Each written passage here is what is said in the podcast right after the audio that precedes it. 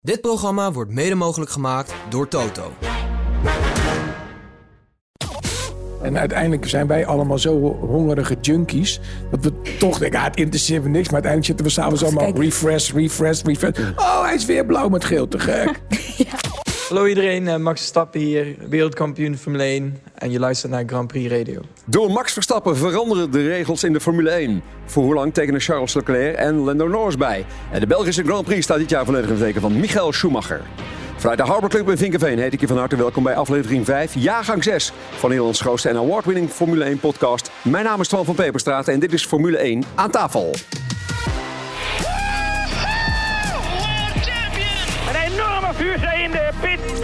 Ons Verstappen. I'm hanging here like a cow. Get me out of this fire. This has been incredible. Points on debut. There's something loose between my legs. Simply lovely, mate. Yo, hey.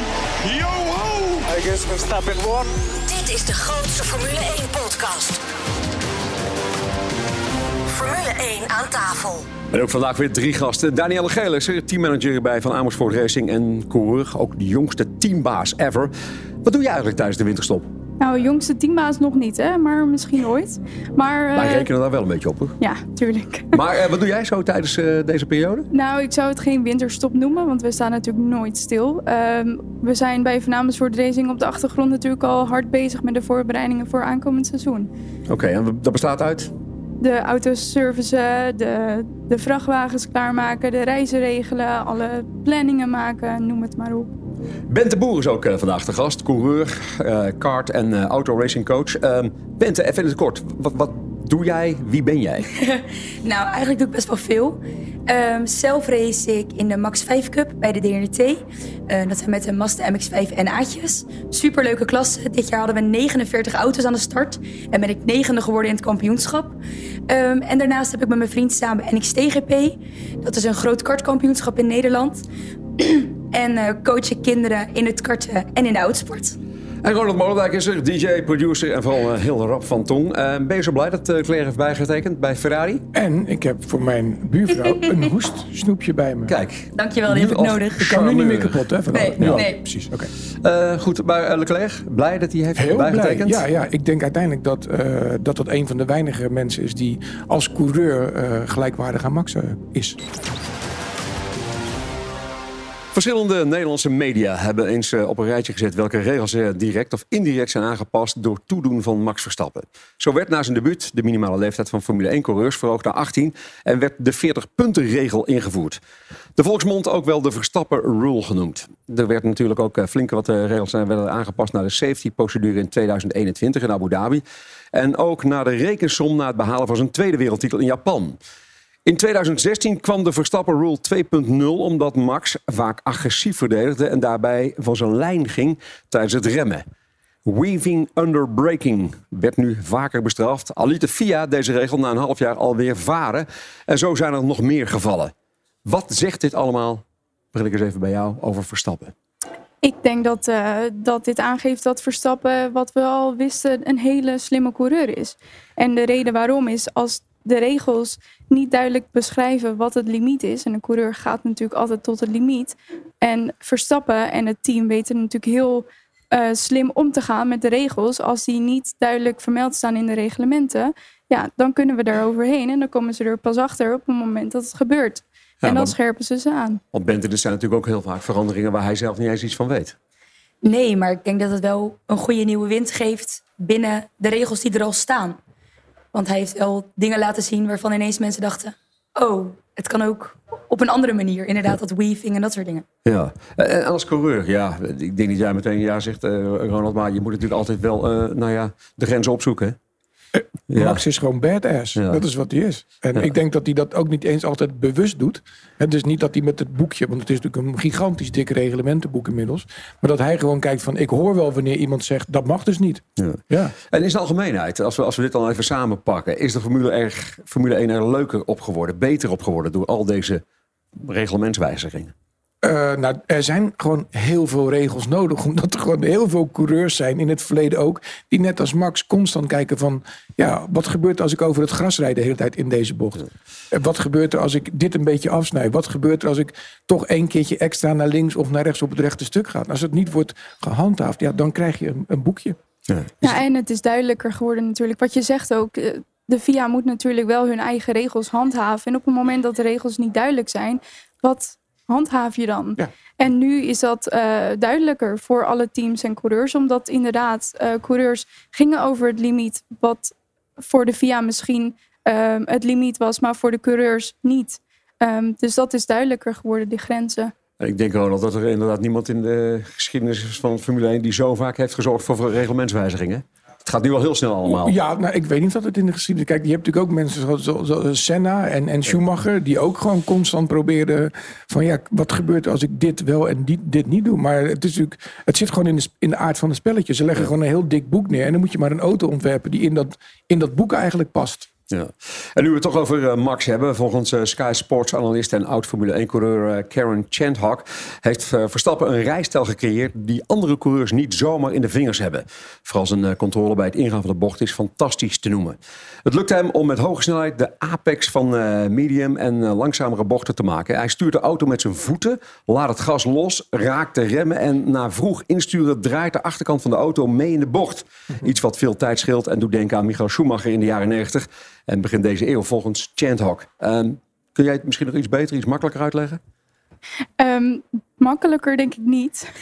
maar ik weet wel dat, hoe belangrijk het is voor een, voor een auto om eh, door de bochten te roteren. Weet je, door, door als het ware door de bochten heen te dansen. eh, en om zo op die manier zoveel mogelijk snelheid mee te nemen in de bocht. Zo min mogelijk snelheid te verliezen in de bocht. En dan uiteindelijk weer zoveel mogelijk snelheid meenemen de bocht uit. Ehm, maar ja, om het makkelijker uit te leggen, dat vind ik nog wel lastig. Misschien kan onze coureur Ja. eh, aan tafel dat hier beter uitleggen. Ja, het is denk ik wel goed uitgelegd. Maar het is ook vooral dat Max ehm, zich heel goed kan aanpassen. En heel veel coureurs die passen zich ook aan. Maar als ze dan wat doen, dan blijven ze dat doen. En Max, daaraan zie je dat als hij ziet dat het niet werkt... of voelt dat het niet werkt... dat hij dan wat anders gaat proberen om te kijken of dat dan wel werkt. Ja. En dat vind ik zo mooi aan zijn rijstijl. Want hoe doe jij dat bijvoorbeeld in jouw rijklasse? Ehm, nou, bij ons is het heel belangrijk dat je echt inderdaad rolt door de, ehm, door de bocht heen. Dus je komt aan, je remt op tijd, maar je wilt hem echt rollend door die bocht heen krijgen, zodat je zo vroeg mogelijk weer op je gas kan gaan. Dat Ja. rollen is gewoon heel belangrijk. Ja, maar dan toch even terug naar de Formule 1. Wat is dan eh, het, het- het- even een verschil? Want, want bij Verstappen rolt hij dus iets minder, mag ik het wel zo zeggen? Nou ja, Formule 1-auto heeft natuurlijk meer vermogen dan ja, onze Mazda. Nee, dat sowieso, maar... Ja, ik, ik denk dat, die ook, dat rollen ook gewoon heel belangrijk is, maar ja, het is anders. Maar je zou toch ook denken, eh, heel goed kijken naar Verstappen, eh, gaan kopiëren en proberen het, het zo goed mogelijk na te doen? Of? Dat probeerden ze ook. Dat proberen, maar dat lukt niet. Ja, dat, dat probeert uiteindelijk iedereen. Ze kunnen da- de data misschien niet inzien, maar ze kunnen wel zien waar met GPS-bepaling hoe die auto door een bocht heen gaat. Maar dat wil nog niet zeggen dat het je dan ook lukt. En uiteindelijk is het natuurlijk ook heel belangrijk hoe een coureur zich voelt en hoe, hoe zeker hij is met de auto. Ja. Ja. Want op het moment dat hij 100% vertrouwen heeft in de auto, ja, dan is het natuurlijk voor een coureur makkelijker om over de grens te gaan of het toch eventjes een stapje meer te doen. Maar op het moment dat jij je niet comfortabel voelt met een auto of je vertrouwt het niet, ja, dan, dan wordt het een lastig verhaal. Ja, en Chandhawk die maakt dan een vergelijking tussen Schumacher en Verstappen. Zie jij die gelijk? Qua rijden. Ja, qua rijstijl? eh, meedogenloos. Dat is het enige wat ik bij beide heren zie. Geen twijfel. Als er, ja, dat klinkt een beetje raar, want die heb je natuurlijk weer die Senna. Maar als er gewoon een gat is, dan zet hij die auto daar gewoon neer. En het is ook mooi om te zien hoe andere coureurs dat eigenlijk allemaal hebben geaccepteerd.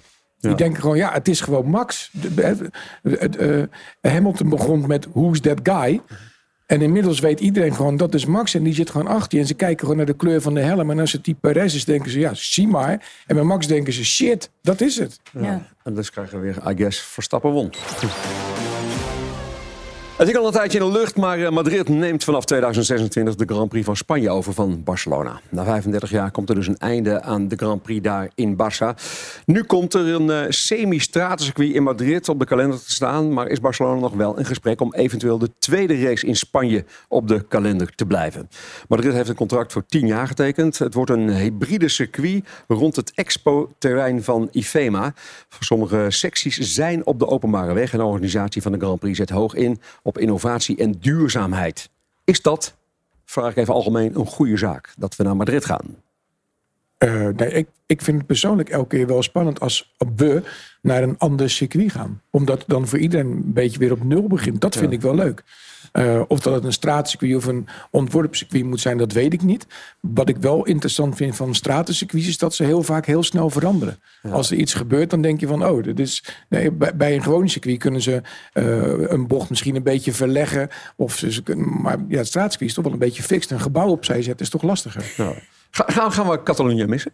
Als het eh, niet meer op de kalender zou staan? Ja, en ik kijk natuurlijk zeker vanuit het, het teampunt. Want wij leiden jonge coureurs op van de Formule 4 tot aan de Formule 2. Ja. En wij leiden die jongens op op circuits zoals Barcelona en zoals eh, Monza en noem het maar op.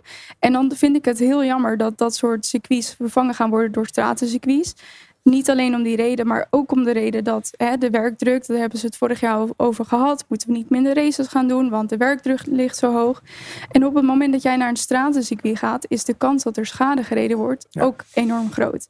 Dus ga je meer kans en risico creëren om die jongens meer eh, te laten werken. Zoals monteurs en de engineers. En, En faciliteiten zijn vaak ook weer lastig. Hè? Ik bedoel, bij een mooi circuit heb je een mooie pitbox met alles eromheen. Straatcircuits, vaak ja, de, de vrachtwagen moet een blokje Ja. onder neergezet worden. En kijk maar hoe je je banden in de pit staat. Ja, en vaak ook het hotel. Weet je, al, al heb je die eh, dichtbij, normaal gesproken 20 minuten, dan zal het uiteindelijk een uur duren voordat jij een keer op het circuit staat. Dus ja, ik, eh, ik heb er zo mijn twijfels Ja, over. overigens, het grappige is, jij beredeneert het vanuit de coureurs en vanuit de, de renstallen. Eh, ik, ik denk misschien nog als, als toeschouwer, nou, kan misschien nog wel wat spectaculairder worden. Zeker, dat, dat is het ook. Ja. Eh, En wel eens gereden bent in Catalonië? Nee, nee, nog nooit. Nee, helaas. Ja, maar als je, als je het een beetje zo bekijkt qua Formule 1, eh, staat die hoog op jouw lijstje van fa- favoriete circuits? Nou, ik vind het wel een mooie baan. Het is echt een. Dus de races die er ook altijd zijn, zijn ook altijd ja, goed en mooi om te zien. Ja. En dan toch een vraag die altijd weer boven de markt eh, hangt. Eh, kunnen we op deze manier eh, misschien de raceweekenden eh, duurzamer maken? Echt gelul. ja, door de. Je hebt dan zo'n zo'n carbon footprint, hè, noemen we dat dan. Dus als je een evenement organiseert, hoeveel schade berokkent dat dan? En dan hoor je altijd heel veel over Formule 1. Maar als je gewoon naar een gemiddelde voetbalwedstrijd kijkt, waar er elk, elk weekend heel veel van plaatsvinden, gaan er altijd 50.000 mensen naartoe. Met een auto, met een trein, whatever. Ik bedoel, dat, het, het, Wij zijn gewoon mensen en wij, wij, wij maken schade. Het is, het is wat het is. Ja. En komen er misschien niet te veel stratencircuits op de kalender op deze manier? Oeh, dat is een goede Ja, vraag. Formule 1 is gewoon ooit begonnen als stratencircuit. Dus dat Ja. er gewoon, ja, dat, Maar ja, nog even over duurzaamheid gesproken. Ik vind de kalender van 2024 ook niet duurzaam. Duurzaam, nee. Want Nee. ze gaan Ja. van eh, het Midden-Oosten, gaan ze, wat, eh, volgens mij gingen ze terug even naar eh, Europa. Dan gaan ze naar China, komen Ja. ze weer terug in Europa, gaan ze door naar Ja, Miami. Wat ik al vol- dat- volgens mij is die discussie ook gewoon, die is, die is geweest. Als je lol wil hebben in het leven, ja, heb je vaak wat schade. Ja. Soms komen de kinderen uit. Ja. Ja, zo, zo is maar net. Het heeft even geduurd, maar alle data voor de presentaties van de nieuwe Formule 1-wagens zijn inmiddels bekend. Haas was de laatste renstal die de datum bekend maakte. Maar zal volgens de planning bijna traditiegetrouw de wagen als eerste aan het grote publiek laten zien. Op 2 februari zijn zij de eerste. Ferrari 13 februari, McLaren 13 februari, Mercedes op de 14e en Red Bull op 15 februari laten pas als laatste de nieuwe wagen aan het grote publiek zien. Naar welke presentatie kijken jullie het meest uit? Ik heb geen voorkeur, om heel eerlijk te zijn. Ehm, eh, ze laten daar ook niet alle eh, geheime niks. innovaties zien. Nee, dat laten ze pas op het Ja. circuit zien. En het is inderdaad meer show. Ja, want Eerst was de eerste ronde van de eerste race van het nieuwe, dan, dan zien we wat het is. Ja. Ja. Tijdens de race of misschien al tijdens de, nou ja, de training. De training eh, volgens mij ook niet eens Nee. echt. Want dan hebben ze ook nog steeds iets van hoe, hoe langer wachten. Ja, kwalificatie misschien. Ja, maar waar kijken we dan naar bij zo'n onthulling? Een Stickers. show. De kleuren, de, de kleurensamenstelling. Maar Ja. Daar denk ik ook niet dat er Ja. veel in gaat veranderen. Ja, eh, maar gewoon eigenlijk een klein beetje voor, voor de show. Wordt dit zo gedaan voor de, de aanhang? De sponsoren. Ja. Ja, Die worden er blij van. En uiteindelijk zijn wij allemaal zo hongerige junkies. Dat we toch denken, ah, het interesseert me niks. Maar uiteindelijk zitten we s'avonds allemaal refresh, refresh, refresh. Oh, hij is weer blauw met geel. Te gek. Ja. Maar goed, dan toch als junkie. Zie jij eh, dan nog wel een verschil tussen het ene rood en het andere rood bij een Ferrari-auto? Ja, zeker wel. Want dat Ja. verandert ook de hele tijd. Als Ja. je, eh, ik raad het iedereen, ik heb het al eerder gezegd, maar als je in Italië bent, ga een keer bij de eh, Formule 1 eh, afdeling van Ferrari kijken. in het museum. En dan zie je ook dat die kleuren aangepast worden. En je ziet ook heel mooi dat op het moment dat de televisies beter werden, de kleuren ook worden aangepast. En Ferrari reed een jaar of twee geleden ineens met een, een, redelijk matte Ferrari. Dus er zit wel degelijk verkleur. En wordt dan ook iedere keer anders ontvangen? Dat ze op een gegeven moment zeggen van ja, wacht even, deze kleur, dat is dit seizoen Eh, ja, geen zeker succes wel. geweest. Ja, zeker wel. Ja. Ja. Ja, en, en ook eh, Ferrari heeft dat. Ja, het is ook weer marketing voor die mensen. Ik bedoel, ze grijpen natuurlijk bij Ferrari als een van de weinige teams die al heel lang bestaan, heel vaak terug naar het verleden. Zeg, nou, nu gaan we een keer in het geel rijden. Of ja, dat is prima. Kortom, allemaal voor de show. Ja. Zometeen prijzen winnen in eh, F1 aan tafel met de Raad het Autogeluid. Ook beantwoorden we een vraag van een luisteraar binnengekomen via F1 aan tafel at grandprixradio.nl. En een gouden tip, word ook lid van ons Telegram kanaal en krijg onder andere achter de schermen content van deze podcast. Zoek in de Telegram app voor je smartphone naar F1 aan tafel. Tot zo! Kaarten voor de officiële Max Verstappen-tribunes in 2024 voor de grote prijs van Oostenrijk, Hongarije en België zijn vanaf nu alleen verkrijgbaar bij Verstappen.com. Moedig Max ook in 2024 aan en koop snel je kaarten. Verstappen.com is het enige en officiële verkoopkanaal van tickets voor de Max Verstappen-tribunes. Uh, we call that simply lovely. Bestel nu de allerleukste gepersonaliseerde cadeaus bij printdingen.nl. Zoals heerlijk warme vliesdekens met je eigen ontwerp erop of de mooiste handdoeken en badlakens. Ook met unieke raceafbeeldingen. Leuk voor jezelf of om cadeau te geven. Printdingen.nl Dit is Formule 1 aan tafel, de grootste Formule 1-podcast van Nederland. Even een blik in onze mailbox. We krijgen een vraag binnen van eh, Auke Dekker. Eh, beste Bente, Daniela en Ronald. De zwart-wit geblokte vlag staat voor het einde van de race. Maar waarom zijn deze kleuren in deze volgorde gekozen en niet in een andere kleur? Kort samengevat, waarom gebruiken ze deze vlag voor het einde van de race? Ik weet dat. Nou, dan ben ik heel benieuwd. Het is ooit begonnen, eh, zeg maar, en, en de historie gaat eigenlijk helemaal terug naar de Native Americans, de, de, de Indianen waar we het over hadden.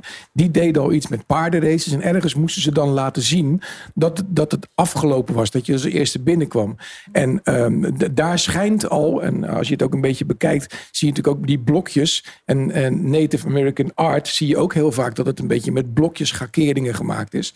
Dat is het ene verhaal. En het andere verhaal is dat toen ze begonnen met autoracen, toen reden ze dus op straatcircuits die uiteindelijk alleen maar uit stof bestonden. Dus toen hadden ze grote zwart-witte blokken om maar te, door de stof heen te zwaaien van de race is echt afgelopen. En dit is eh, echt wetenschappelijk onderzocht. Dit is, en waarom ik dat weet? Omdat ik me dat soms ook echt afvraag. Denk, waarom is die vlag die kleur? Of waarom is het pole position? Of hoezo? Dat vind ik interessant. Ja. En, en nog een andere vraag, want eh, Pieter Arends die kwam er mee. Maar eh, eigenlijk is het een vraag die wij allemaal weten. Ronald mag even niks zeggen.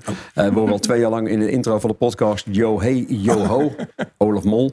Uit welke race komt het en wat was de aanleiding? Nou, dat is een ABC'tje. Ja, dat eh, is natuurlijk 15 mei 2016 geweest. Ja. De allereerste overwinning van eh, Max op eh, het circuit van Barcelona. Ook daarom is het jammer dat het weg zou gaan. Ja, eigenlijk wel, ja. ja, ja. De geschiedenis. Ja, ik bedoel, Ja. kijk, jij was natuurlijk nog heel jong, Bette, maar, maar dit zijn wel is van die nog steeds heel erg Nog steeds, ja. Maar dit zijn wel van die momenten van waar was je en weet je het nog? Eh, ik was volgens mij gewoon thuis op de bank. Zaten we te kijken naar de wedstrijd. Want het was toch wel, oké, nieuw. Ja, er kon van alles gebeuren. En hij had het toch maar goed gedaan ook. In de kwalificatie al, dus het was wel spannend. Ja. Nou ja, en het was natuurlijk spannend dat eh Rosberg en Hamilton elkaar eruit Ja. reden. Dat Ja. was Ja. natuurlijk... Dat maakte eh, hem. Oh, oh is het zo'n weekend? Maar, maar we- weet jij nog wat wat gevoel jou meestal maakte toen? Ik krijg nog steeds kippenvel bij Ja. het moment als ik het zie. Hetzelfde Ja. als voor Abu Dhabi in 2021. Dat zijn wel echt kippenvelmomenten. Wie Ik ben, van ik ben jullie niet een fan, maar is, is blijven zitten bij die laatste rondes van Abu Dhabi? wij waren op Barcelona aan het testen op dat moment. En wij hadden allemaal het werk stilgelegd om te kijken. Maar i- iedereen stond toch daadwerkelijk Ja. te springen in Ja. de kamer en, en janken toch? Soort van, Ja. wij stonden op de kartbaan. We waren kartles aan het geven. En eh, de start was geweest. En toen hadden we zoiets van, nou, laat maar zitten. Ja. Ehm, we gaan wel gewoon door. En toen ineens ehm, zag ik mijn vriend gillen. Kom, stop, stop, stop. Dus wij zo, wat is er? We dachten dat er eentje ergens in Ja. een berm lag of zo. Ja, allemaal uitstappen, uitstappen. En we hoorden alle ouders een beetje gillen en dat soort dingen. Dus stilgelegd en met z'n allen kijken. Ja, was kippenvel. Ja, nee, wij- stonden echt te, te springen in onze kamer. Gewoon, eh, zo- ja, zo van, ja, die race, ah, shit, hoezo? Waarom die Ja. Mercedes nu weer wel en dit en dat en ineens... En ineens was het gewoon de laatste ronde. Wauw. En, en dan nog even terug naar eh, de aanleiding van deze vraag. Die overwinning dus de allereerste van Ja. Verstappen. Heb jij nog even gedacht dat ik dit nog mag meemaken? Nee. Oh. Nee, want ik wist dat ik dat zou gaan meemaken. Dat er een Nederlander een keer Ik wist dat, Formule 1 nee, niet een, maar Max, dat wist ik gewoon. Dat, dat, de snelheid van die gast vanaf de eerste keer toch al. Niet normaal. De vraag was meer wanneer die Ja. het zou doen. Ja. Dus eh, Pieter, voor alle duidelijkheid, het was er slechts een ABC'tje. 15 mei 2016. Wij zullen er altijd aan blijven denken en dit nooit vergeten. Heb je ook een vraag? Mail hem naar f1 aan tafel at grandprixradio.nl. Heugelijk nieuws eh, voor jou afgelopen week, eh, Ronald. Want eh, Leclerc heeft namelijk eh, zijn contract verlengd bij Ferrari. Het is nog niet precies duidelijk tot wanneer dat contract eh, gaat lopen. Vijf jaar. Ja, in ieder geval tot 2026. Maar vijf jaar, Ja. denk jij? Ja. Oké. Eh, Ferrari spreekt namelijk eh, over een meerdere, eh, ja, contract van meerdere jaren. Dus dat, eh, dat, dat zou inderdaad wel vijf jaar kunnen zijn. Eh, verstandig? Ja. Ja, want ik denk dat je zeker met die eh, regelverandering die er straks aankomt, heb je gewoon vastigheid in je team nodig. En niet dat als er straks weer een nieuwe tor of een nieuwe motor achterin wordt gegooid en het moet allemaal weer anders, dat je dan ook met allemaal nieuwe coureurs zit en met nieuwe. Ik denk dat dat heel verstandig is. En je ziet het ook toch wel bij heel veel sporten, of dat nou voetbal is of anders. Als er gewoon rust in het team is, dan heb je volgens mij een grotere kans op resultaat. Ja. Even nog naar Bente, Danielle. Eh, had hij misschien nog een overstap naar een ander team moeten overwegen? Nee. Nee? nee, dat denk ik zeker niet. Hij zit er goed. Ja. Rust voor Ferrari, maar rust ook zeker voor Leclerc. Ja, en ik denk wel dat hij dat nodig heeft. Ja. Ehm, wat betekent dat eigenlijk misschien voor Sainz? Gaat hij dan daarna ook bijtekenen? Nee. Dat weer niet. Nee, ik denk dat er bij Ferrari nu iemand eh, aan het bewind staat, de, de, de teambaas, eh Vasseur, eh, die daar gewoon heel duidelijk naar kijkt. Die denkt van ik zet gewoon één iemand neer, die heeft straks senioriteit. En er is niet voor niks een Ferrari school. En dan langzamerhand gaan ze er iemand inzetten die ook wat minder praatjes heeft. En die ook gewoon mag meegroeien in dat team. En als het dan geen Sainz bij Ferrari zou zijn, bij welk team zou je hem misschien wel zien? Met zijn vader in Parijs-Dakar misschien. Zou wel cool zijn. Ja. Ja. Maar oké, dus uit de Formule 1. Nou, Weet dat, ik niet. Nee, dat denk ik niet. Nee, ik denk dat hij eh, misschien bij, bij teams als, als Steak... Weet je, die zijn natuurlijk nu eh investeerder geworden. Die hebben een Ja. nieuw team. En als je dan een coureur van Ferrari eh, naar je toe weet te trekken... dan Ja. heb je natuurlijk wel de feedback die hij van de Ferrari-auto heeft... kan hij uiteindelijk in- implementeren in de auto die zij hebben. Dus het, het, dat soort teams zou ik het eerst bedenken. ehm, die er echt wat aan hebben om, om iemand met, uit een hoger eh, team Ja. in, bij zich te trekken. Maar voor de nabije toekomst is het Vasseur gewoon eh, prima om in ieder geval deze twee coureurs nu even in de stal te hebben. Ja. Dan even naar eh, Lando Norris, want eh, ook eh, hij heeft zijn contract verlengd bij McLaren. Zijn contract liep sowieso nog tot met 2025, nu nog sowieso tot 2027. Dus is opengebroken. Norris, die nadrukkelijk in de belangstelling stond van Red Bull, zorgde dus voor dat het rijdersduo van McLaren zeker tot 2026 vaststaat. Want ook Piastri tekende in 2023 al bij. Goed, ehm, ja, wa- wa- waarom kiest Norris nu al voor deze stap? Nou ja, ik denk dat, dat het eigenlijk op hetzelfde neerkomt als waar we het net over hadden met de Klerk. Zij weten natuurlijk ook dat hè, die nieuwe regelgeving komt eraan, eh nieuwe auto. En dan is het natuurlijk wel van belang dat je iemand hebt die je kan vertrouwen met de feedback van die auto. Weet je, hij, hij weet precies hoe die McLaren aanvoelt. En hij weet hoe het is om, om wat er verbeterd moet worden in de auto. En op het moment dat jij dus een, weer een hele nieuwe auto hebt of een nieuwe motor of Ehm, dan is het fijn dat je iemand hebt die weet waar die het over heeft en die ook eh, nou ja, eh, aan jouw kant staat. Ja. Wat vind je tot dusver van, eh, van Norris? Ja, ik denk dat hij het gewoon hartstikke goed doet. En zeker het duo die McLaren nu heeft, kunnen ze echt wel nu op gaan bouwen. En mee verder groeien. Ja, echt het, het duo voor de toekomst. Ja, zeker. Ja. Ontwikkeling van Norris? Is, gaat hij een beetje zoals je had verwacht? Nee, nee, want hij blijft een beetje rond de zesde, zevende positie eh, hangen in het eh, kampioenschap. Eh, wat ik persoonlijk jammer vind, is dat hij niet heeft doorgepakt als, als die. dat, dat telefoontje van Helmut Marco geweest is. In ieder geval, die heeft een paar keer openlijk gezegd: wij vinden die wel interessant. Ehm, ja, je mag in een Red Bull. Kom op. Ik bedoel, beter Ja. dan dat wordt het niet. Maar zou hij misschien door deze keuze eh, de hoop op Red Bull niet helemaal hebben opgegeven? Maar dat gewoon nu, nou even voor nu... Ik denk dat het nu andersom werkt. Het is toch een beetje wat jij op schoolplein had, dat je naar het allermooiste meisje ging en dat ze zei nee en dat je dacht, oké, dat is klaar. Ja. Dat is met hier ook. Ik denk dat Red Bull dan gewoon denkt, niet? Nou dan niet. Ja. Ja, Red Het is Bull- nog goed gekomen met jou, hè? Wil ik Ja, even met mij, gezegd ja, hebben. Ja, nou, uiteindelijk wel. Ah, goed gekomen. Dat zullen we, daar gaan we straks na de podcast nog even over. Maar enfin, we dwalen af. Eh, maar eh, dat huwelijk eh, Red Bull eh, Norris is, is klaar? Ja, dat denk ik wel. Ja, dat ik ontmoet eh, Marco kennende. Is dat wel iemand Ja. die inderdaad zegt als het nee is, is het nee. Goed. We gaan praten over kansen om prijzen te winnen. Want we spelen Raad het autogeluid. Oh, ik, en ik wist, het, ik wist het autogeluid van vorige week. Maar ben ik zeker te laat? om in te Je zeggen? bent vrij laat, ja. ja. Want we gaan eh, in ieder geval naar de opdracht eh, voor deze week. We gaan naar eh, Mario de Pizzaman. Die is bij autobedrijf Paul van Bergen. Altijd lachen jij. Altijd lachen. Het is geen feest als je niet bij Paul van Berg bent geweest, Mario. Nou, kom ik ook zo graag. Ja, heerlijk. Daar ben ik alleen maar blij om. hey, eh, wat is er terecht gekomen voor jou? Goede voornemens. Goed. Goede voornemens zijn goed terechtgekomen. Ja? Wil je, er, wil je er nog iets over zeggen? Eh, nee, ik was altijd met mijn goede voornemens bezig. Dus eh, het hele jaar goede voornemens. Zwarte auto dit keer? Ja, Black Beauty. Wat voor eh, type moeten we aan denken? Een hoge instap in de Mercedes-Benz voiture. Het is geen B, maar een GLB. En is dat eh, zwart leer wat ik zie allemaal? Eh, leer Alcantara, half leer, half stof. Willen wij eh, de deur een keer dichtgooien? Ik gooi met allerliefste plezier de deur dicht. Nee, gooi de deur even nu dicht, ja? Ja. Komt ie, hè? 1, 2. Open? Ja. Dicht. Laat hem lekker zitten. Nee. Waar vinden we deze auto? Deze prachtige GLB zonder panoramadak vinden wij op www.paulvanbergen.nl. Daar vindt u hem wel. Welke auto zoeken we? Kijk op paulvanbergen.nl. Stuur je antwoord uitsluitend en alleen naar F1 aan tafel grandprixradio.nl. De winnaar van vorige week is Danny Nobak. Ehm, gefeliciteerd, je wint een volle tank brandstof bij Ting de Flitsmeister 2... zodat je niet meer te hard rijdt. En een fles Ferrari Trento Doc, bekend van het Formule 1 podium. Het is eh, dit jaar, 30 jaar geleden, dat Michael Schumacher zijn allereerste wereldtitel in de Formule 1 pakte. Reden genoeg voor het circuit van Spa-Francorchamps om de editie van de Belgische Grand Prix helemaal in het teken te zetten van de Duitse recordkampioen. Schumacher debuteerde hier in 1991 en won een jaar later zijn eerste Grand Prix in België.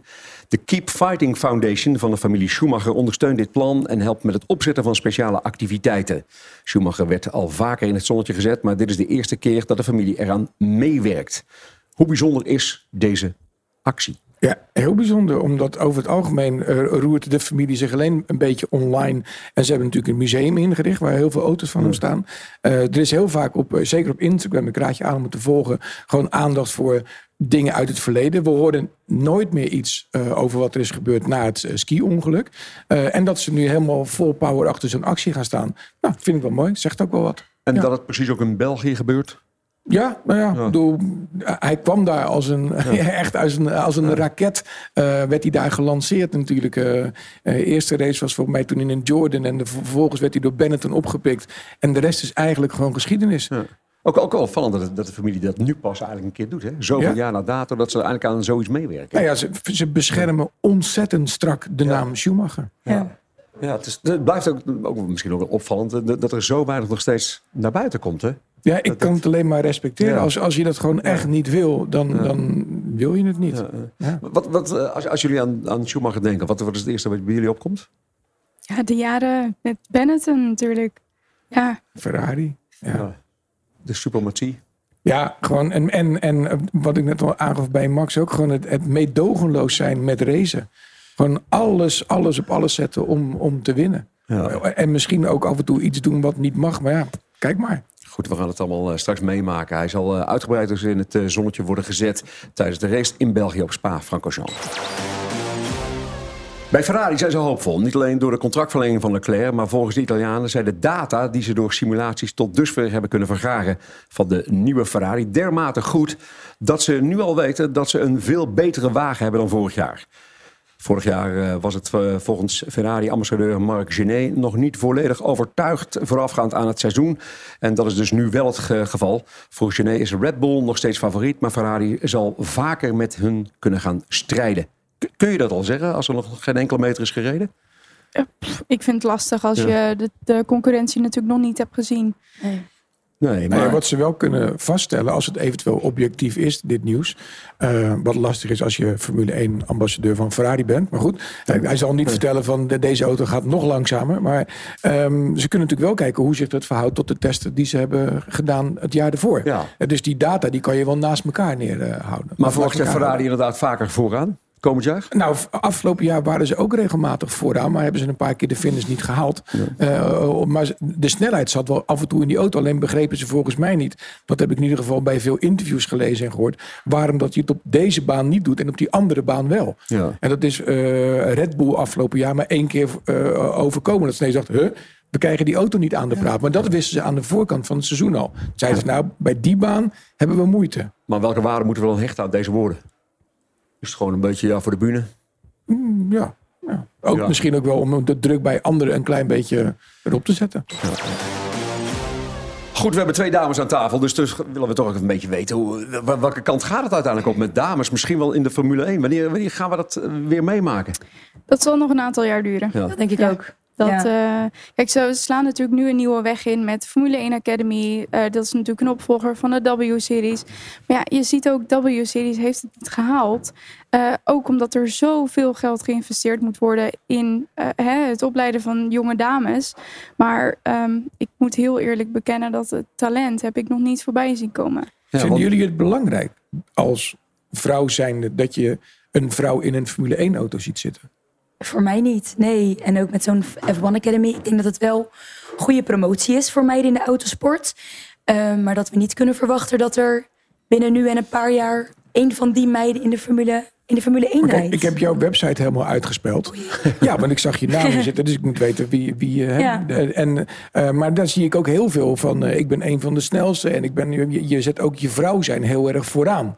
En Ja. dat is natuurlijk ook een unique selling point naar sponsoren. Ja, nee, dat, dat, Ja. Is, dat is het zeker. En ehm, daarom maak ik de keuze om te rijden tussen de mannen. Want uiteindelijk ben ik van mening ehm, de beste rijden in de Formule 1. Nou ja, ik wil niet naar de Formule 1, maar uiteindelijk wil je wel bij de beste horen in de autosport.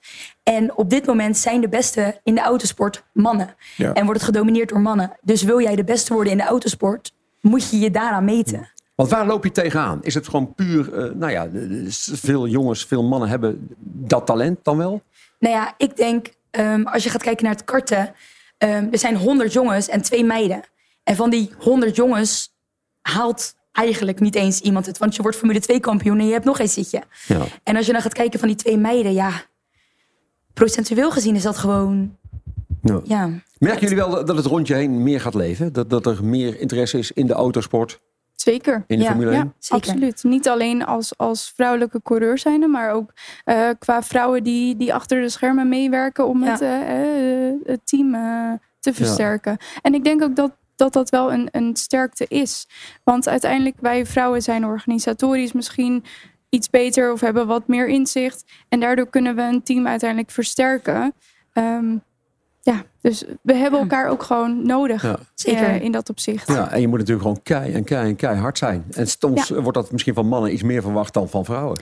Nou ja, zoals Frits altijd tegen mij zegt, je moet wel een eh, olifantenhuid creëren. Ja. Je moet er wel tegen kunnen. En kijk, er zijn natuurlijk opmerkingen die niet altijd leuk zijn of een aanpak die je niet altijd eh, gewend bent of, of prettig vindt. Maar uiteindelijk inderdaad, het is een mannenwereld. Maar zijn het dan ja. opmerkingen die specifiek over je als vrou- vrouw, hè, zo hey, blond vrouwtje? Of, of is het gewoon een waarvan je denkt, iemand roept ineens, Jezus, wat ben jij dom? Of zo. Ba- ba- Nee, nee, nee. Ja, nou, de opmerkingen zijn vaak gewoon een beetje seksueel getint. Juist, weet oké. je wel? Dat, Ja, ja. En daarin moet je wel sterk in je schoenen staan om uiteindelijk een grens aan te geven. Van joh, dit, dit accepteer ik niet. Dit Nee. vind ik niet oké.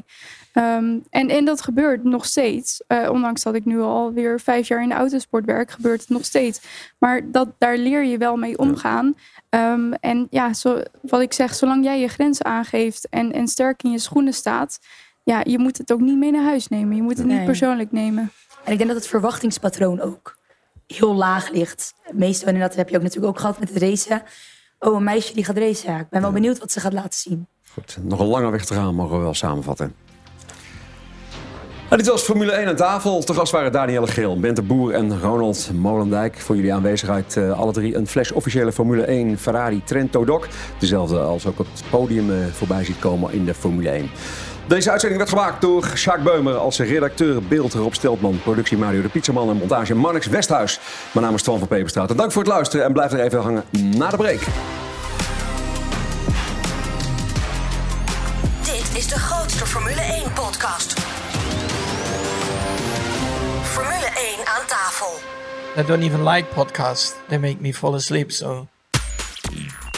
Vlieg met GP Ticket naar de Grand Prix van Spanje. GP Ticket heeft een privécharter hiervoor ingezet. Compleet met 4 sterren hotel, transfer van en naar het hotel en de mooiste tribuneplaatsen. Nu voor 1195 euro. Kijk voor alle Formule 1 reizen en losse tickets op gpticket.nl.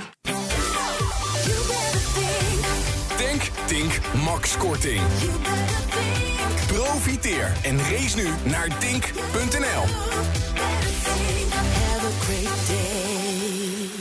WePly zet jouw websitebezoekers om in bruikbare leads. Met een volledig uitbesteden livechat van WePly haal je meer waardevolle leads uit je website. Al meer dan 2000 tevreden bedrijven gingen hiervoor. Probeer WePly 7 dagen gratis en ontdek het gemak van sales gekwalificeerde leads rechtstreeks in je inbox. Kijk op wePly.nl slash Grand Prix Radio voor meer informatie. We zitten in de Harbor Club in Vinkerveen. Tim, wat heb je allemaal op tafel gezet? Nou, we beginnen aan het einde. Hebben wij onze eendenloempia's met wat triple S saus. Dan hebben wij in de stoommandjes hebben wij eh, gestoomde broodjes met uh, gefrituurde kip, een beetje kimchi mayonaise en radijsje erop. De, het plankje, daar zaten wat takeltjes, gevuld met een uh, guacamole en wat rode miso saus, een beetje pittig.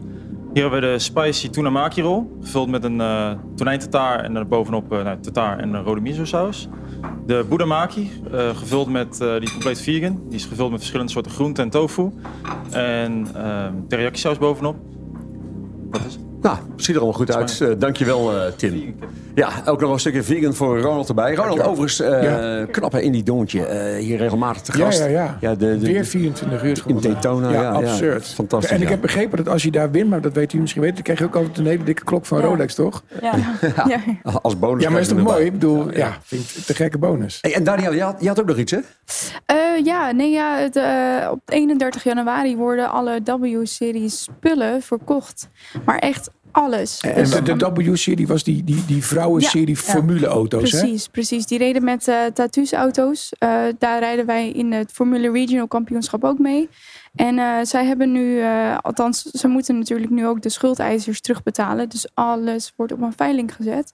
Ja. En 31 januari wordt alles uh, geveild. Maar niet alleen de auto's, ook alle spullen, gereedschappen. Ja, ook. En Oh, de cool, pakken ja. en de bekers. En waar, waar, waar komt dat, komt dat online ergens? Ja, in Engeland. Het staat nu al online, de catalogus. Dus je kan nu al bieden. Maar ja, dat... Maar wat moeten we meenemen? dan? Wat, wat, nou ja, een, een, een raceauto voor 30.000 pond startbot is niet... Ja, startbot. Ja. op een gekke manier kijkt iedereen mij nu aan alsof er ja. zo'n ding... Uh, ja? Nou, ja, we kijken wel een klein beetje naar jou, ja. Maar ja. goed, dat is een startbot. Maar goed, ja dat, dat gaat natuurlijk... Maar gereedschappen en dat soort dingen zijn helemaal te gek natuurlijk. Nou, gereedschappen is vaak wel een dingetje, want het is natuurlijk gebruikt en je weet niet hoe de status is. Okay. Maar uh, bijvoorbeeld de jacks, dat zijn de, de spullen of de, de, kriks. de kriks waar we die auto's mee optillen. Ja, dat, dat zijn dingen die, die zouden best wel dus handig kunnen jij zijn. zit wel te, te checken al. Ja. Oh, dus die, die, die, beetje slaperige oogjes ja. komt van het van langdurige scrollen. scrollen. Let op. Alle gebruik van hetgeen in deze podcast F1 aan tafel wordt opgemerkt is ongeoorloofd. Zonder expliciete schriftelijke toestemming te zaken verkregen van Grand Prix Radio. Met inachtneming van een duidelijke, deugdelijke bronvermelding met link.